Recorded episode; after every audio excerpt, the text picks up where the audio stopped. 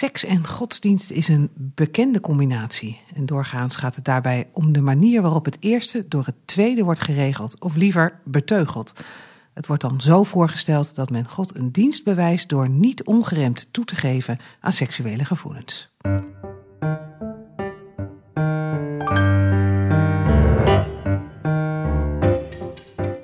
De Theologie-podcast gaat over wat vandaag speelt in kerk en theologie en wil delen, inspireren en verdiepen. De Theologie-podcast is onderdeel van het platform theologie.nl. Daar staan eh, theologische blogs op en boekenrecensies en duizenden theologische artikelen. Wil je daar ook eens een keer een kijkje op nemen? Ga dan naar de website lid worden en gebruik de code podcast, want je kunt een maand gratis luisteren en kijken en lezen. Dat kan tot 31 mei 2022. Tot ziens op theologie.nl. Vandaag praat ik met Willien van Wieringen over het thema foute seks. Nou, dat klinkt wel heel mooi. Het thema van de eerste digitale editie van het tijdschrift Schrift.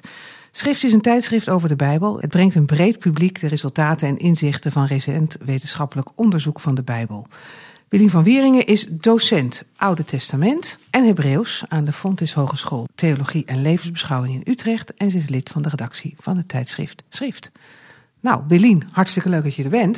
Het Ja. tijdschrift Schrift was een, neem ik aan, een fysiek tijdschrift. Uh, dat was tot voor kort een fysiek tijdschrift waarin je lekker kon bladeren en wat er prachtig uitzag. Ja, en dat gaat nu digitaal. Dat klinkt enige weemoed in je stem. ja, ja, ja. Uh, we moeten digitaal, anders hadden we uh, niet verder kunnen bestaan. Nee, dat is helaas de realiteit voor veel tijdschriften. Ja. En ook voor jullie. Ja. Wat, wie, wie lezen dat, uh, dat tijdschrift Schrift? Uh, dat zijn uh, vooral predikanten, pastores en studenten theologie en geïnteresseerde gemeenteleden. Ik zeg gemeenteleden, geen parochianen, omdat het vooral toch protestanten zijn die het lezen. Oh ja? Van het van origine katholieke tijdschrift. Oh, dat is bijzonder. Ja, ja, ja schrift leeft wat meer onder de protestanten dan onder de katholieken. Ja, en dat merk je dus ook in het lezer. En dat zien we ook in de... het lezersprofiel. Ja. ja. Uh, nou lijkt uh, die doelgroep mij een, uh, een, een, een keurige, nou ja, laten we het zeggen, keurige mensen met, met die geïnteresseerd zijn in de, de, diepte van de theologie. Noem eens wat thema's van de afgelopen jaren, voordat we bij dit, thema van deze ja, keer gaan ja, komen.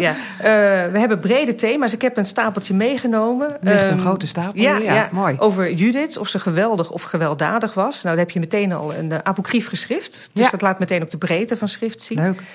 Um, in 2010 kwam het 250ste fysieke nummer uit. Dat ging over seks in de Bijbel. Dus Ah. geen foute seks, maar gewoon seks. Ja, gewoon seks. We hebben hier iets over uh, Paulus, uh, Bijbelse maaltijden, uh, Bijbel en media. Oh ja. Timotheus en Titus over de kerk in wording. Dus het is heel breed. Heel breed. Ja. Oh, dat klinkt heel interessant. En ook actueel, zo te horen. Ja, we proberen altijd een lijntje naar de actualiteit te houden. Ja, zo hadden we het voorlaatste nummer. Het ging over isolatie, naar aanleiding van de corona-epidemie. Oh, kijk.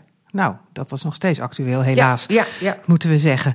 Um, nou, seks hadden jullie al een keer en nu dus foute seks. En jij zit nog, nog maar net in de redactie. Is dit, jouw, uh, is dit, is dit jouw hand die we hierin zien? Of? in zoverre dat de redactie dit, uh, dit thema uh, in discussie had. En het was ook vanwege dat themanummer wat we al een keer gehad hadden, tien jaar, elf jaar geleden. Uh, of we dat nou wel weer moesten. Maar ja, ik kwam in de redactie en ik denk van ja, maar dit is gewoon geinig. Ja. uh, dus ik heb het een beetje doorgedrukt. En toen kreeg ik het ook meteen in handen van nou, zoek het dan maar uit. Dan uh, ben je er ook verantwoordelijk voor Ja. als redactielid. Ja, we lachen er wel om, maar er staan vervolgens natuurlijk hele serieuze artikelen in, in, in het tijdschrift over hoe er met seksualiteit wordt omgegaan in, in, zo in de Bijbel, in het Oude Testament en het Nieuwe Testament. Wat is dan foute seks als je, als je het in die breedte bekijkt? Ja, als je het hebt over foute seks, dan kan je ook meteen zeggen van uh, er is blijkbaar ook uh, goede seks. Ja, dat is het goede nieuws. Ja, dat is, dat is het goede nieuws. Ja. Maar um, seks aan zich is niet uh, fout of goed in de Bijbel. Dat is, dat is lastig te zeggen. Um, wat in ieder geval als fout wordt gezien, wat je er echt uit kan halen, dat is uh, incest en prostitutiebezoek. Die twee die zijn nou ja, ondubbelzinnig fout. Fout, ja. Maar alle andere categorieën, daar kun je over discussiëren.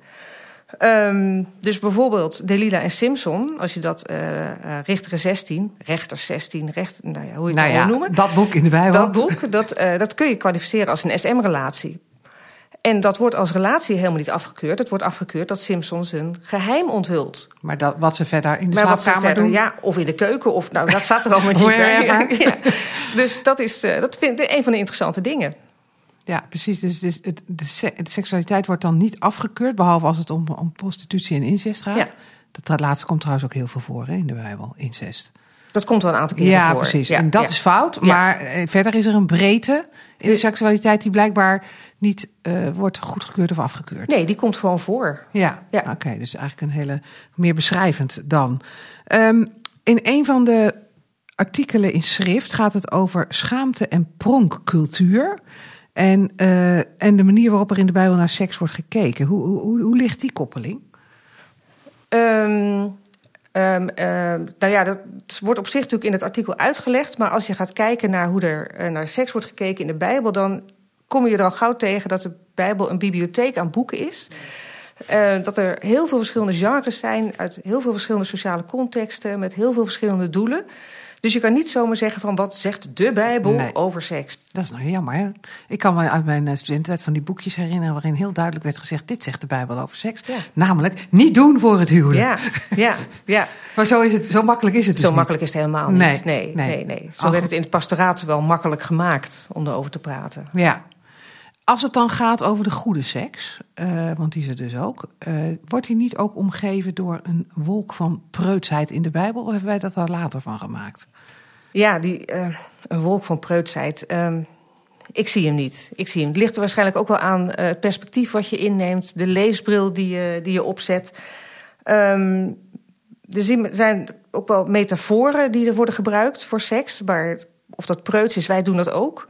Metaforen gebruiken van naar bed gaan met, met, iemand wil niet zeggen dat je gaat slapen met iemand. Nee. Dus dat is een. een Gaan eh, slapen met iemand is ook weer zo'n metafoor. Dat is ook weer zo'n metafoor. Ja, de ene metafoor om de andere metafoor uit te leggen. Ja. Ja, en als je het hebt over bijvoorbeeld Rut en Boas, eh, die dan aan het voeteinde gaat liggen. Ja. En sla uw vleugels over mij uit. Ja, dat is een prachtige metafoor. Maar om nou te zeggen dat dat preuts is, dat, eh, je kan dat niet zomaar zeggen. Dus Nee. die wolk van preutsheid. Dat, ja, en als je gaat kijken naar het hooglied. Daar is toch met, ja, met een bepaalde leeswijze wel heel weinig preutsheid in te, in te herkennen. Nee, dat is heel vrij. Dat is heel vrij. Ja. Ga je naar Hosea 16 en 23, dat is niet preuts verwoord allemaal. Nee, dat moet ik nog eens even opzoeken. Dus die, eh, nou ja, het gaat over, er zit onder andere het, eh, iets van nat van geil in en zo. Dus het is voor, het staat niet op het leesrooster voor de katholieken, zover ik weet. Volgens mij bij de En protestanten de ook niet. protestanten, ik, Ja? ik heb wel een dominee uitroepen horen roepen van wat moet ik hiermee op de kansel? Die kon het blijkbaar niet overslaan, maar, Nee, die vond het wel lastig om daar dan iets, Ja. iets, iets over te maar het is zeggen. allemaal vrij expliciet. Ja, ja. Is er, eh, eh, dat is, je zei het net al, het is eigenlijk niet mogelijk om iets algemeens te zeggen over seks in de Bijbel, want de Bijbel bestaat uit een bibliotheek aan boeken en doelgroepen en tijden. Mhm, Eh, is er wel een verschil aan te brengen tussen Oud en Nieuw Testament, of is dat net zo ingewikkeld? Ehm, ja, ingewikkeld of net zo rijk. Ik, Hmm. ik, ik zie het liever positief. Ehm, het zijn verschillende soorten delen van de Bijbel. Als je kijkt naar het Oude Testament, er zitten zoveel genres in. Eh, verhalen, liederen, wetsteksten, visioenen, profetenteksten. En al die, die genres hebben hun eigen manier van spreken. Hun eigen invalshoek, eigen doelen. Ga je naar het Nieuwe Testament, dan heb je nou, eerst al die vier keer hetzelfde verhaal bijna Ja, over vier Jezus. evangelie, ja, ja. vier evangelie, waardoor je ook meteen weet... oh, er is niet één verhaal te vertellen. Eh, met de handelingen en de brieven, maar het zijn allemaal andere genres. En ga je kijken naar ehm, hoe daarin eh, eh, wordt gesproken... dan heb je die verhalen, die zijn gebed in een sociaal-culturele context. En dat geldt voor de verhalen zelf. Dat geldt ook voor de verteller of de schrijvers, we weten het niet precies... maar laat ik het even over verteller hebben. Die heeft ook zijn eigen sociaal-culturele context... die niet overeen hoeft te komen met die sociaal-culturele context van het verhaal... Want het kan best zijn verteld over iets wat 100 jaar geleden heeft Ja. of duizend jaar geleden heeft plaatsgevonden. Dan heb je weer de lezer met de eigen sociaal-culturele context. Dus dat is eh, eh, een hele hermeneutische slag die je moet maken met het Oude Testament. Terwijl als je bijvoorbeeld gaat kijken naar de brief van Paulus, die zijn veel meer like, op concrete situaties toegeschreven. Ja, Dus eh, vaak ook een conflict situatie als basis. Dus dat zijn zulke andere teksten dat je ook. Ja, er is verschil over spreken over seks in het Oude en het Nieuwe Testament, zoals er verschil is over spreken in bijna alles tussen Ja. die twee delen. ja, ja. omdat die contexten iedere keer ook weer verschillen zijn, verschillend zijn. Uh, kan je dan bijvoorbeeld zeggen dat, dat teksten uit het Nieuwe Testament over seks dichter bij ons staan en onze cultuur dan die uit het Oude Testament? Of is dat ook weer te makkelijk? Dat zou ik ook niet zeggen. Zou ik ook je bent wel echt een theoloog, hè? ja. Alle nuances zitten erin. Um, ja, um, het, het, het, Nieuwe Testament is veel concreter en het zitten ook veel raadgevingen zitten erin of oplossingen voor conflict situaties. Wat misschien makkelijker lijkt om te begrijpen als lezer. Terwijl in het Oude Testament moet je veel meer hersengymnastiek, religieuze gymnastiek, turnen uitvoeren om te begrijpen waar het over gaat. Ja, dat, staat, dat is nog weer, nou ja, moet ik zeggen, ja, dat, dat staat verder af van wie wij zijn en, wie, en hoe we denken. Het is een andere manier. Andere oh, manier. Als, ik, als je kijkt, gewoon, eh, als ik s'avonds naar de televisie kijk, um, dan je ziet het journaal en je ziet drama. En ze kunnen allebei hetzelfde zeggen op een hele andere manier. Ja. En het Oude Testament is veel meer drama. Ja, precies. Als we, als we kijken naar uh, uh, het Genesis-verhaal over Jacob bij de Jabok, daar wordt iets verteld over een uh, gevecht met een engel. En daarna kan Jacob kan geen kinderen meer verwekken. Want hij krijgt nog wel een kind, maar er staat: Adonai ging in. Dus Adonai is de vader van het kind, van Benjamin, wat dan nog komt. Maar dat is een heel verhaal en dat moet je goed lezen om eruit te halen. Terwijl misschien Paulus zou zeggen van je moet dit of je moet dat en dan komt het goed. Dus dat is veel directer. Ja, ja, ja, dus het vraagt wel wat van ons als lezers van deze tijd om dan die verhalen uit het Oude Testament ook echt, echt te kunnen doorgronden. Ja, en je kan er op verschillende lagen naar kijken. Als mhm. je het naar kinderen vertelt, dan doe je het op een hele andere manier dan je het misschien als dominee op de kansel doet. En dan doe je het weer anders bij een Lectio Divina, wat je in je persoonlijk leven mhm. doet. Dus het is ook een gelaagdheid die je kan toepassen. Ja, ja, ja, dat is toch wel weer mooi, hè? Het is prachtig. Ja, toch wel. ja, het is geweldig, ja. Die Bijbel. Um, ja, je noemde Paulus ook al. Want inderdaad, ik denk dat veel mensen als ze denken aan seks en de Bijbel... toch ook wel aan Paulus denken die vaak ook geraadpleegd wordt over allerlei actuele kwesties als het over seksualiteit gaat. En, daar ook weer hele discussies over ontstaan, van of dat wel kan. In zijn brief aan de gemeente van Korinthe gaat hij ook in op allerlei misstanden op seksueel gebied. Um, had dat te maken, in zijn geval, met een cultuur waarin die, die, die gelovigen moesten functioneren, waarin gebruiken waren op seksueel gebied die vervolgens werden afgekeurd door Paulus? Was dat, was dat een kwestie? Of was het. Denk dat de kwestie niet eens zozeer was van alles was verseksualiseerd en daar moesten we wat mee, maar wel het reguleren van hoe, dat, hoe gelovige mensen daarmee om konden gaan. Dat het dat vooral was.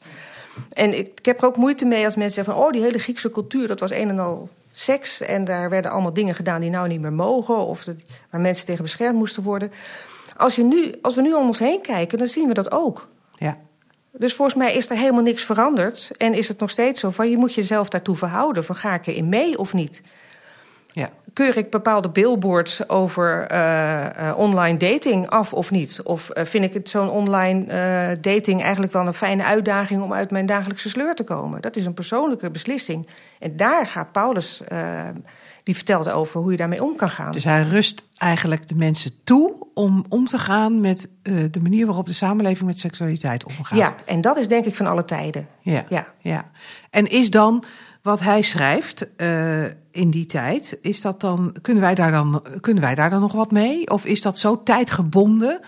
dat je moet zeggen: nee, in, eh, aan ons is het weer de, volgende opdracht, namelijk om in onze tijd ons te verhouden. Tot. Ja, dat is ook de vraag: van, neem je het letterlijk of niet? Ja, nou ja, en, um, dat is nog wel eens discussie over. Hè? Dat is discussie over in, uh, uh, niet in alle kringen van de christen, christendom en niet in alle kringen van het jodendom. Um, in welke kringen niet? Nou, als, als ik mijn eigen kring kijk, de Rooms-Katholieke Kerk, daar heb je in ieder geval schrift en traditie. Dus dan neem je al die traditie mee van discussie over de schrift. En dat nodigt ook de mensen van nu uit uh, om daarover na te denken en te stappen in die traditie en op die manier mee te discussiëren daarover. Ja.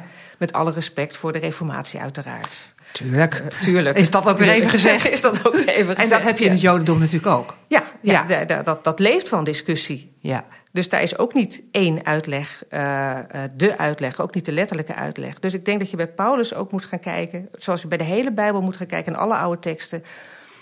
Wat is er aan de hand? Wat wordt er gezegd? Waarom wordt het zo gezegd? En hoe kunnen we dat vertalen naar onze tijd? Ja. Maar daar ontstaat, ik denk nu bijvoorbeeld even naar de discussie over homoseksualiteit, hè, die natuurlijk in protestantse en ook neem ik aan in katholieke kring ook uh, nogal aanwezig is. Waarin altijd weer de vraag is: kunnen die teksten van Paulus daarover eh, één op één eh, getransporteerd worden naar nu? En er altijd een groep is die zegt ja. Mhm. Dat wat Paulus daar zegt, dat is nog steeds zo. En de andere groep die zegt nee, nee, meer, we moeten dat interpreteren. Dat, is toch wel, dat blijft toch wel een lastige discussie. Ook soms wel heb ik het gevoel, een discussie tussen mensen die elkaar niet meer echt verstaan. Ja, ja, ik denk dat dat ook een discussie is van mensen die elkaar niet meer verstaan. Ehm, ik heb het boek onlangs gelezen van Arnold Huigen over Maria. En daar kwam de term genderconstructivisme voor. En die was nieuw voor mij. En dat blijkt een heel ander gesprek te zijn over gender dan het gesprek dat ik gewend ben vanuit feministische theologie. Dus waar Marieke van den Berg nou ook die, uh, de leerstoel, uh, de Halkesleerstoel in Nijmegen bekleedt. En daar gaat het veel meer minder over van mogen wij er zijn, als wel van wat kunnen we doen met gendertheologie. Terwijl er nog hele groepen zijn waar gesproken wordt over of gender überhaupt iets is of dat het geconstrueerd is. Maar het zijn zulke verschillende gesprekken. Ja. Dat lijkt elkaar ook helemaal niet meer te raken. Nee, want dat worden dan verschillende werelden. Dat zijn verschillende bubbels. Ja, ja. En die botsen eventjes en dan uh, gaan ze ieder weer hun eigen weg. en ze vinden elkaar niet. Nee, het water was veel te diep. Nee. Ja, precies. Ja. Dat is wel jammer, denk ik.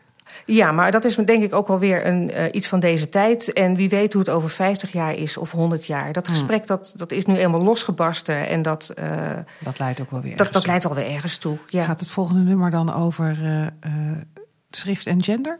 Oh, misschien wel een. Ja, ja. we hebben donderdag weer een weer redactievergadering. Nou, ik draag het graag aan. Ja. Laten we eens teruggaan naar de seksualiteit. Um, seksualiteit lijkt altijd, tenminste in onze tijd, voor zo, zolang ik leef in ieder geval, en daarvoor ook wel, een controversieel thema geweest te zijn. Omdat in het christendom toch ook vaak de nadruk ligt op het geestelijke en niet op het lichamelijke. Hoe uh, is dat eigenlijk wat terug te voeren op Bijbelse geschriften? Als ik jou zo hoor, begin ik daar toch een beetje aan te twijfelen. Te twijfelen. Het is niet, niet rechtstreeks terug te voeren op de Bijbelse geschriften. Hier komt ook weer die traditie om de hoek kijken, het gesprek over de Bijbel. Um, hier komen ook kerkvaders om de hoek kijken met hoe zij de Bijbel hebben gelezen en hoe dat in ieder geval ook in het Rooms-Katholieke Kerk de invloed heeft gehad op, uh, op hoe de kerkelijke leer uiteindelijk is gearticuleerd. Um, Gregorius uh, de Grote die zegt: uh, maagdelijkheid is beter dan de huwelijkse staat. Hm. Want de maagd is gericht op God, die heeft alle tijd en alle aandacht uh, voor God. En de huwelijkse staat, daar zit seks natuurlijk geïncludeerd. Ja. Dat hoort ja, zo ter in, voortplanting in dan, hè? Ter voortplanting, ja. ja. En, maar je kunt het eindeloos proberen natuurlijk. en dan heb je, daar zegt Gregorius overigens niks over, zover ik weet. Augustinus die zegt, de man gaat boven de vrouw... en geschapenheid blijft voortbestaan tot in het eschaton... Dus er, er, um, uh, dat zegt ook iets over de seksualiteit en hoe de rolverdeling daar is. Maar de Bijbel zegt daar ook niet zoveel over, om dat zomaar te kunnen zeggen. En daar komt nog eens een keertje bij dat die twee uh, mannen allebei geen onderscheid maken verder wat uh, mannelijke seksualiteit en vrouwelijke seksualiteit betreft. Dus er is veel meer over te zeggen en er is ook veel meer over gezegd dat terug te voeren is in de Bijbel. En ja. ik denk als je met andere ogen gaat kijken, dan kun je er ook weer andere dingen in ontdekken. Mm -hmm, mm -hmm. En zou je ook niet moeten zeggen dan, want jij noemde net in de Rooms-Katholieke traditie de, de schrift en de traditie. Uh, is die traditie niet ook wat eenzijdig dan misschien? Eenzijdig mannelijk ja, misschien? Ja, ja, ja, Lied van Dalen die zei, uh, uh, een, een groot Hebraïste, die zei van de Bijbel is een boek door mannen, voor mannen, over mannen. En als je gaat kijken naar de traditie in de Rooms-Katholieke Kerk, er zijn natuurlijk vooral mannenstemmen aan het woord. Dus dat, is een, uh, ja, dat, dat levert een bepaalde blik op. En een bepaalde blik is niet opgenomen. En uh, daar wordt nu wel hard aan gewerkt om die wel op te nemen. Er wordt de enige achterstand moet weggewerkt worden. Ja, maar dat ja. is nog wel een flinke klus, denk ik zo. Um, dat is dan zeg maar die, die, die, die, die, misschien die, die, dat controversiële en die preutsheid die niet terug te vinden is in de Bijbel, maar die we er later opgelegd hebben. Aan de andere kant zie je in de Bijbel soms ook geloofstaal waarvan je denkt, nou zeg, gemeenschap der heiligen, één worden met Christus. Dat klinkt ook al bijna erotisch als je niet, Ja. als je niet, ja, als je daar van buitenaf gewoon zo naar kijkt, dan denk je, ja, eh, waar gaat dit over? Ja. Ja, en misschien zijn het ook wel, is het hetzelfde woordenspel met net even een iets andere inhoud. En misschien ligt die inhoud, die twee inhouden wel heel erg bij elkaar, het lichamelijke en het geestelijke. Um, er is sowieso sprake van geloofstaal.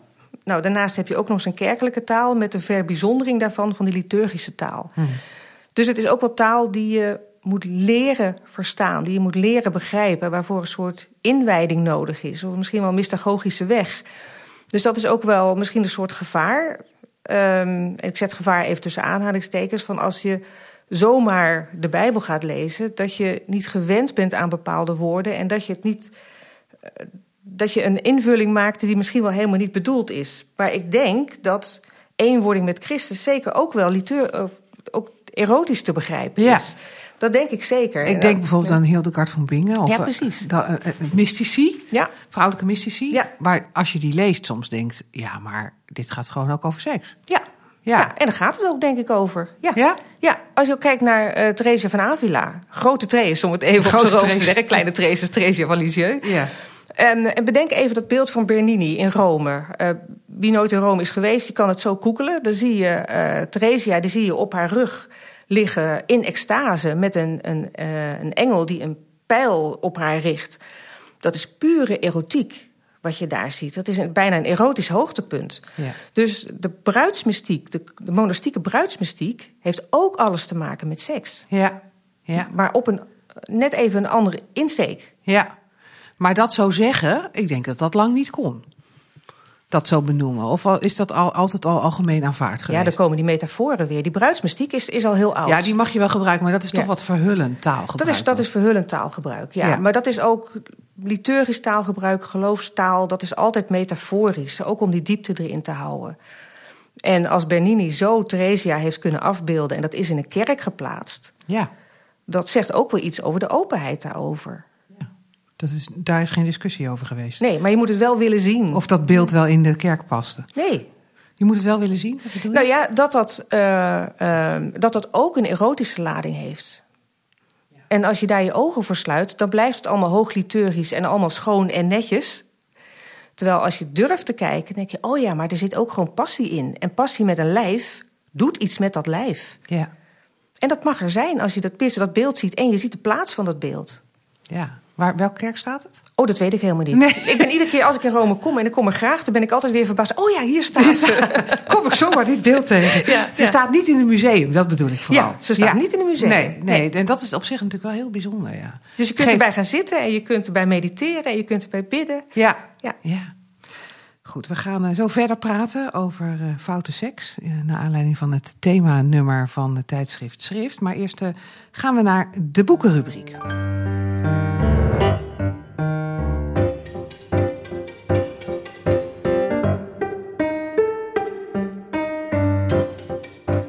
Dag Andries. Elsbeth, hi.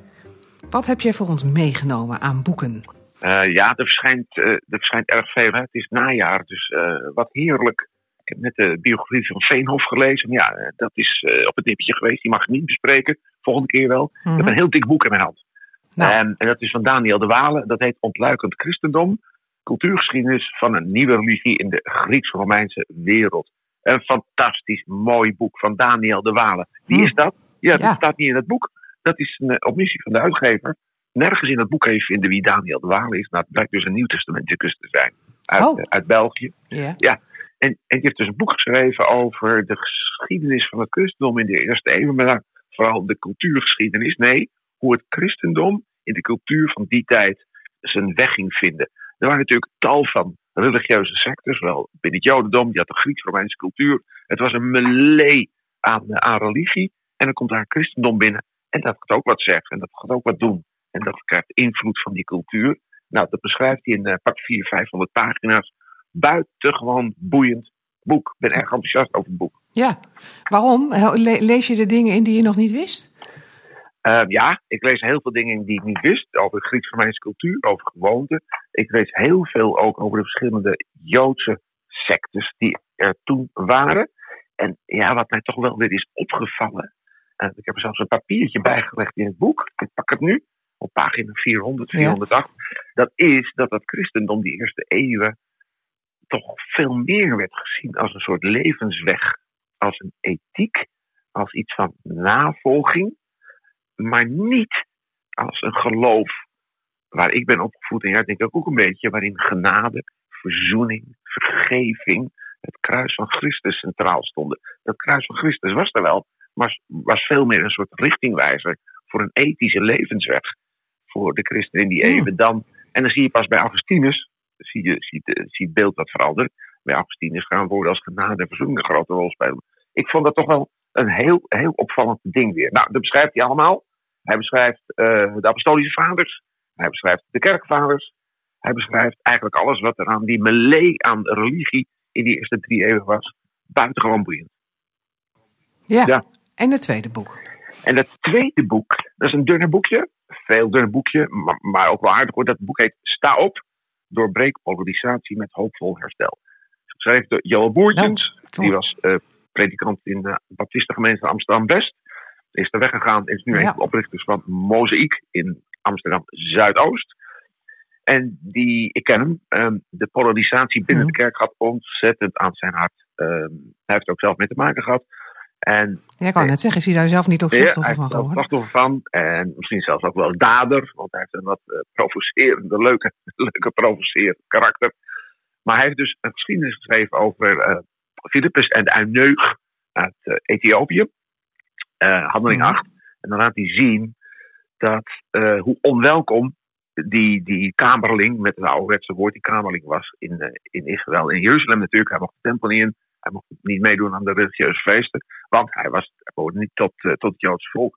En hoe open, hoe open in handelingen het evangelie is. Hoe welkom iemand is die volgens de maatstaven van die tijd, nou bepaald niet iemand was met wie je kon verkeren. Kon allemaal niet. Uh, hij, hij, was besneden, hij zat aan een verkeerd hof. En handelingen 8, zegt hij, is ook door Lucas speciaal geschreven. Het is allemaal wel gebeurd, maar ja, Lucas heeft ook een selectie gemaakt. Lucas heeft dat verhaal erin gezet om te laten zien hoe anders de kerk van het Nieuwe Testament is ten opzichte van buitenstaanders. En naar aanleiding van die geschiedenis van Handelingen 8 geeft hij ons, mij, allerlei praktische lessen om met polarisatie in de kerk om te gaan. Het is een boekje vanuit, vanuit het hart geschreven eigenlijk. Het is ook lekker. Um, en je, je, denkt er wel over na, over hoe die kerk ja. uh, zomaar met zo'n vreemde man uit Ethiopië omging. Hoe goed dus. Elsbeth daar kunnen wij wat van leren. Ja, daar kunnen we wat van leren. Dankjewel Andries. En uh, als u uh, deze boeken wilt bestellen, moet u dat vooral doen via de lokale boekhandel bij u in de buurt of uh, via vanrietschoten.nl. En wij zijn weer terug bij Wilien van Weringen. Zit in de redactie van het tijdschrift Schrift, een tijdschrift over theologisch onderzoek dicht bij de mensen gebracht, zou je kunnen zeggen, Wilien. Dat boek, hè, Antichristendom, um, dat is wel heel interessant. Wat Andries daarover vertelde, dat in de eerste eeuw van het christendom, de christendom vooral een ethische levensweg wees en niet zozeer de nadruk op verzoening en genade legde. Zou die ethische levensweg ook zijn gegaan over seks? Ongetwijfeld. Ongetwijfeld. dat, daar denk ik dan meteen aan. Ja, het is zo down to earth en zo, uh, het hoort zo bij het menselijk bestaan. Daar, uh, daar moet het ook over daar moet het over zijn. gaan zijn. Ja, ja, ik bleef eigenlijk veel meer haken bij uh, de Kamerling. Ja. De, de, de uinig. Ik had het lastig om het woord uit te spreken. Ik lees het liever dan ik het, dan ik het uitspreek.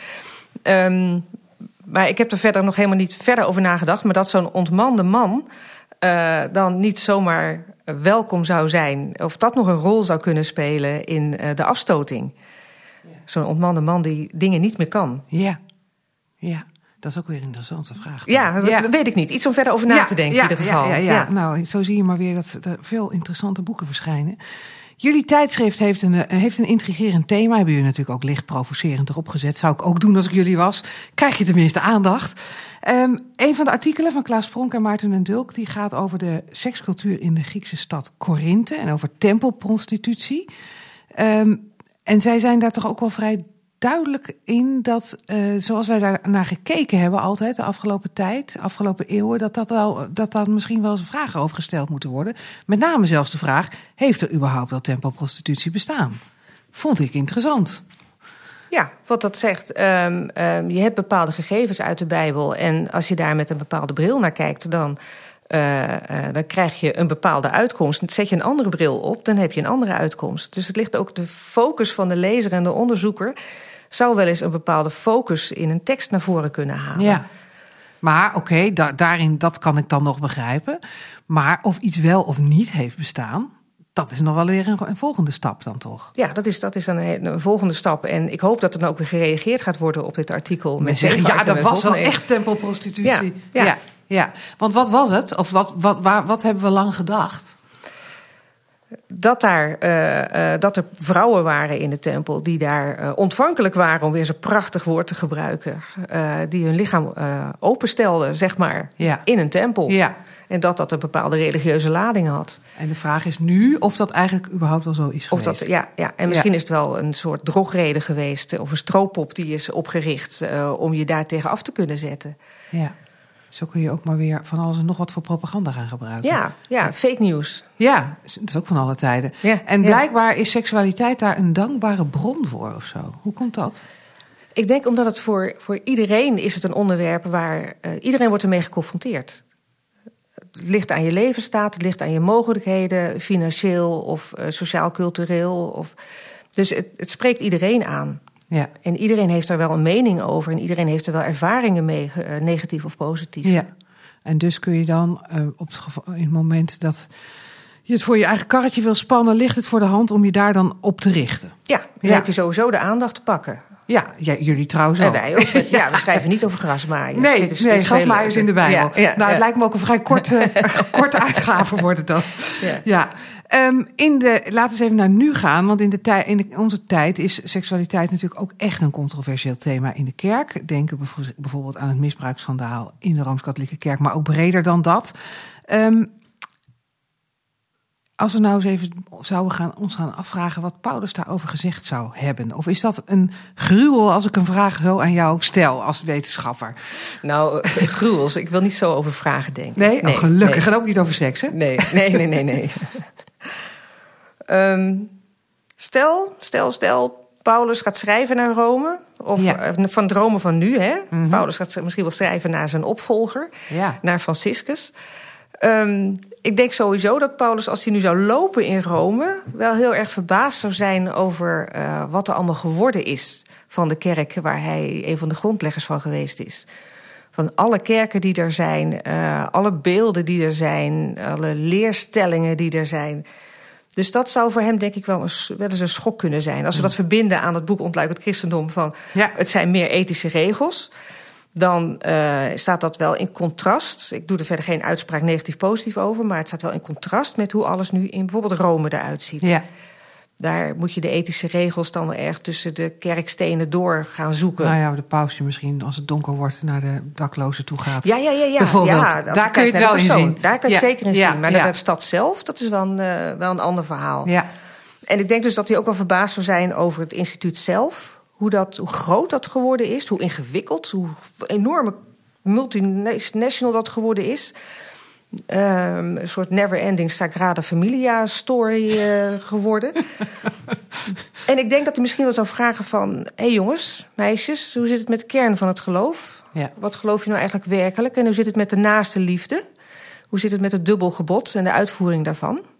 En misschien komen er wel hele goede antwoorden op... maar ik denk dat dat wel eens een vraag zou kunnen ja, zijn. en dus die seksualiteit, dat is dan, Dat is bijzaak. dat is een volgende, dat is eigenlijk niet het allerbelangrijkste. Dat is niet het... Nee. Wat er dan naar boven zou komen. Nee, nee. Ehm, de man-vrouw verhouding.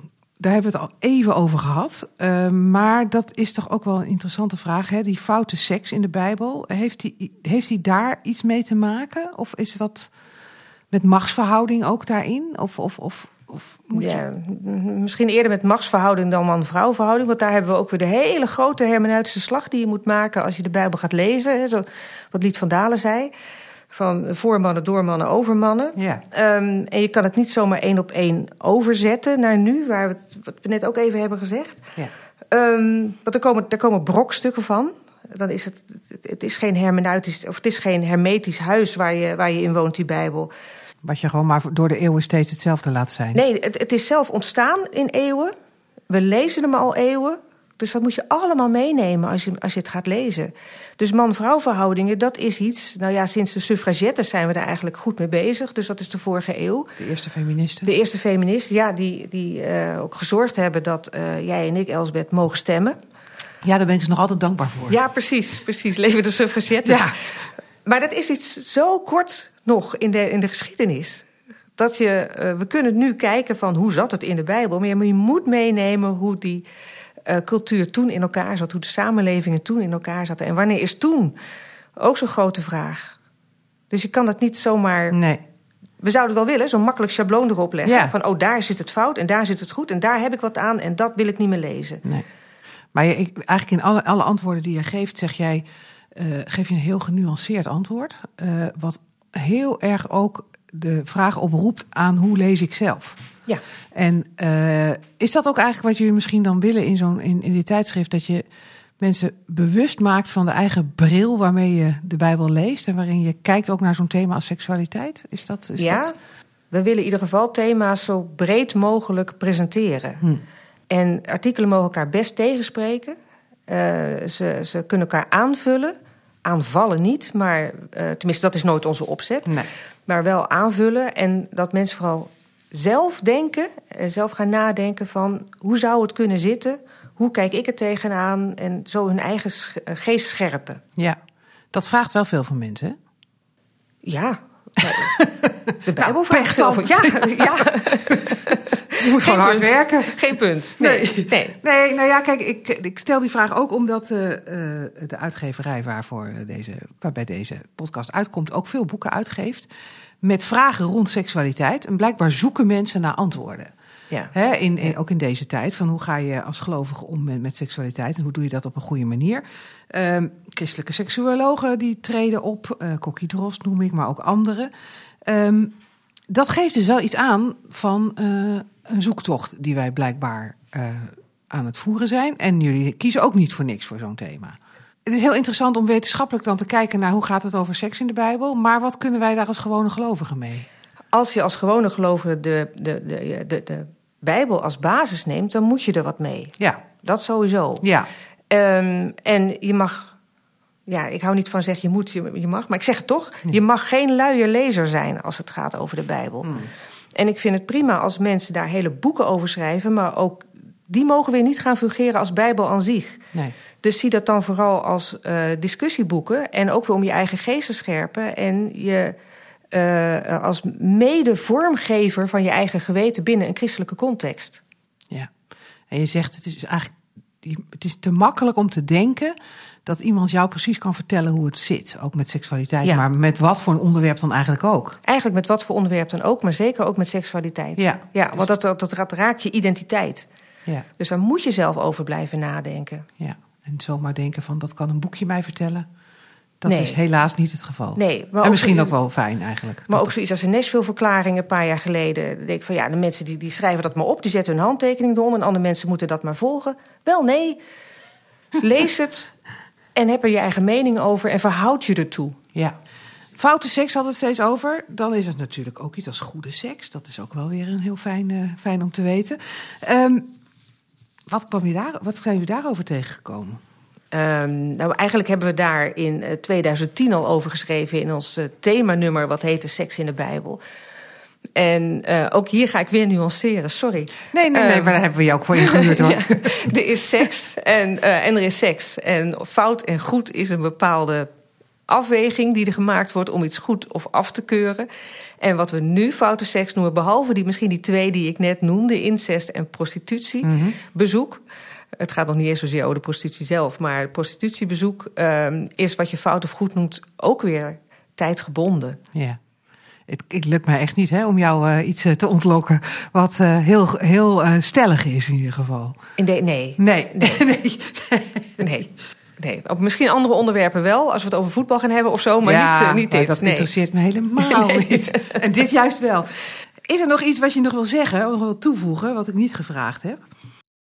Ja, ja, ik denk het wel. Ehm, eh, dat komt niet zozeer naar voren in dit themanummer, maar onder andere wel in het boek van, eh, van Huigen over die genderconstructivisme.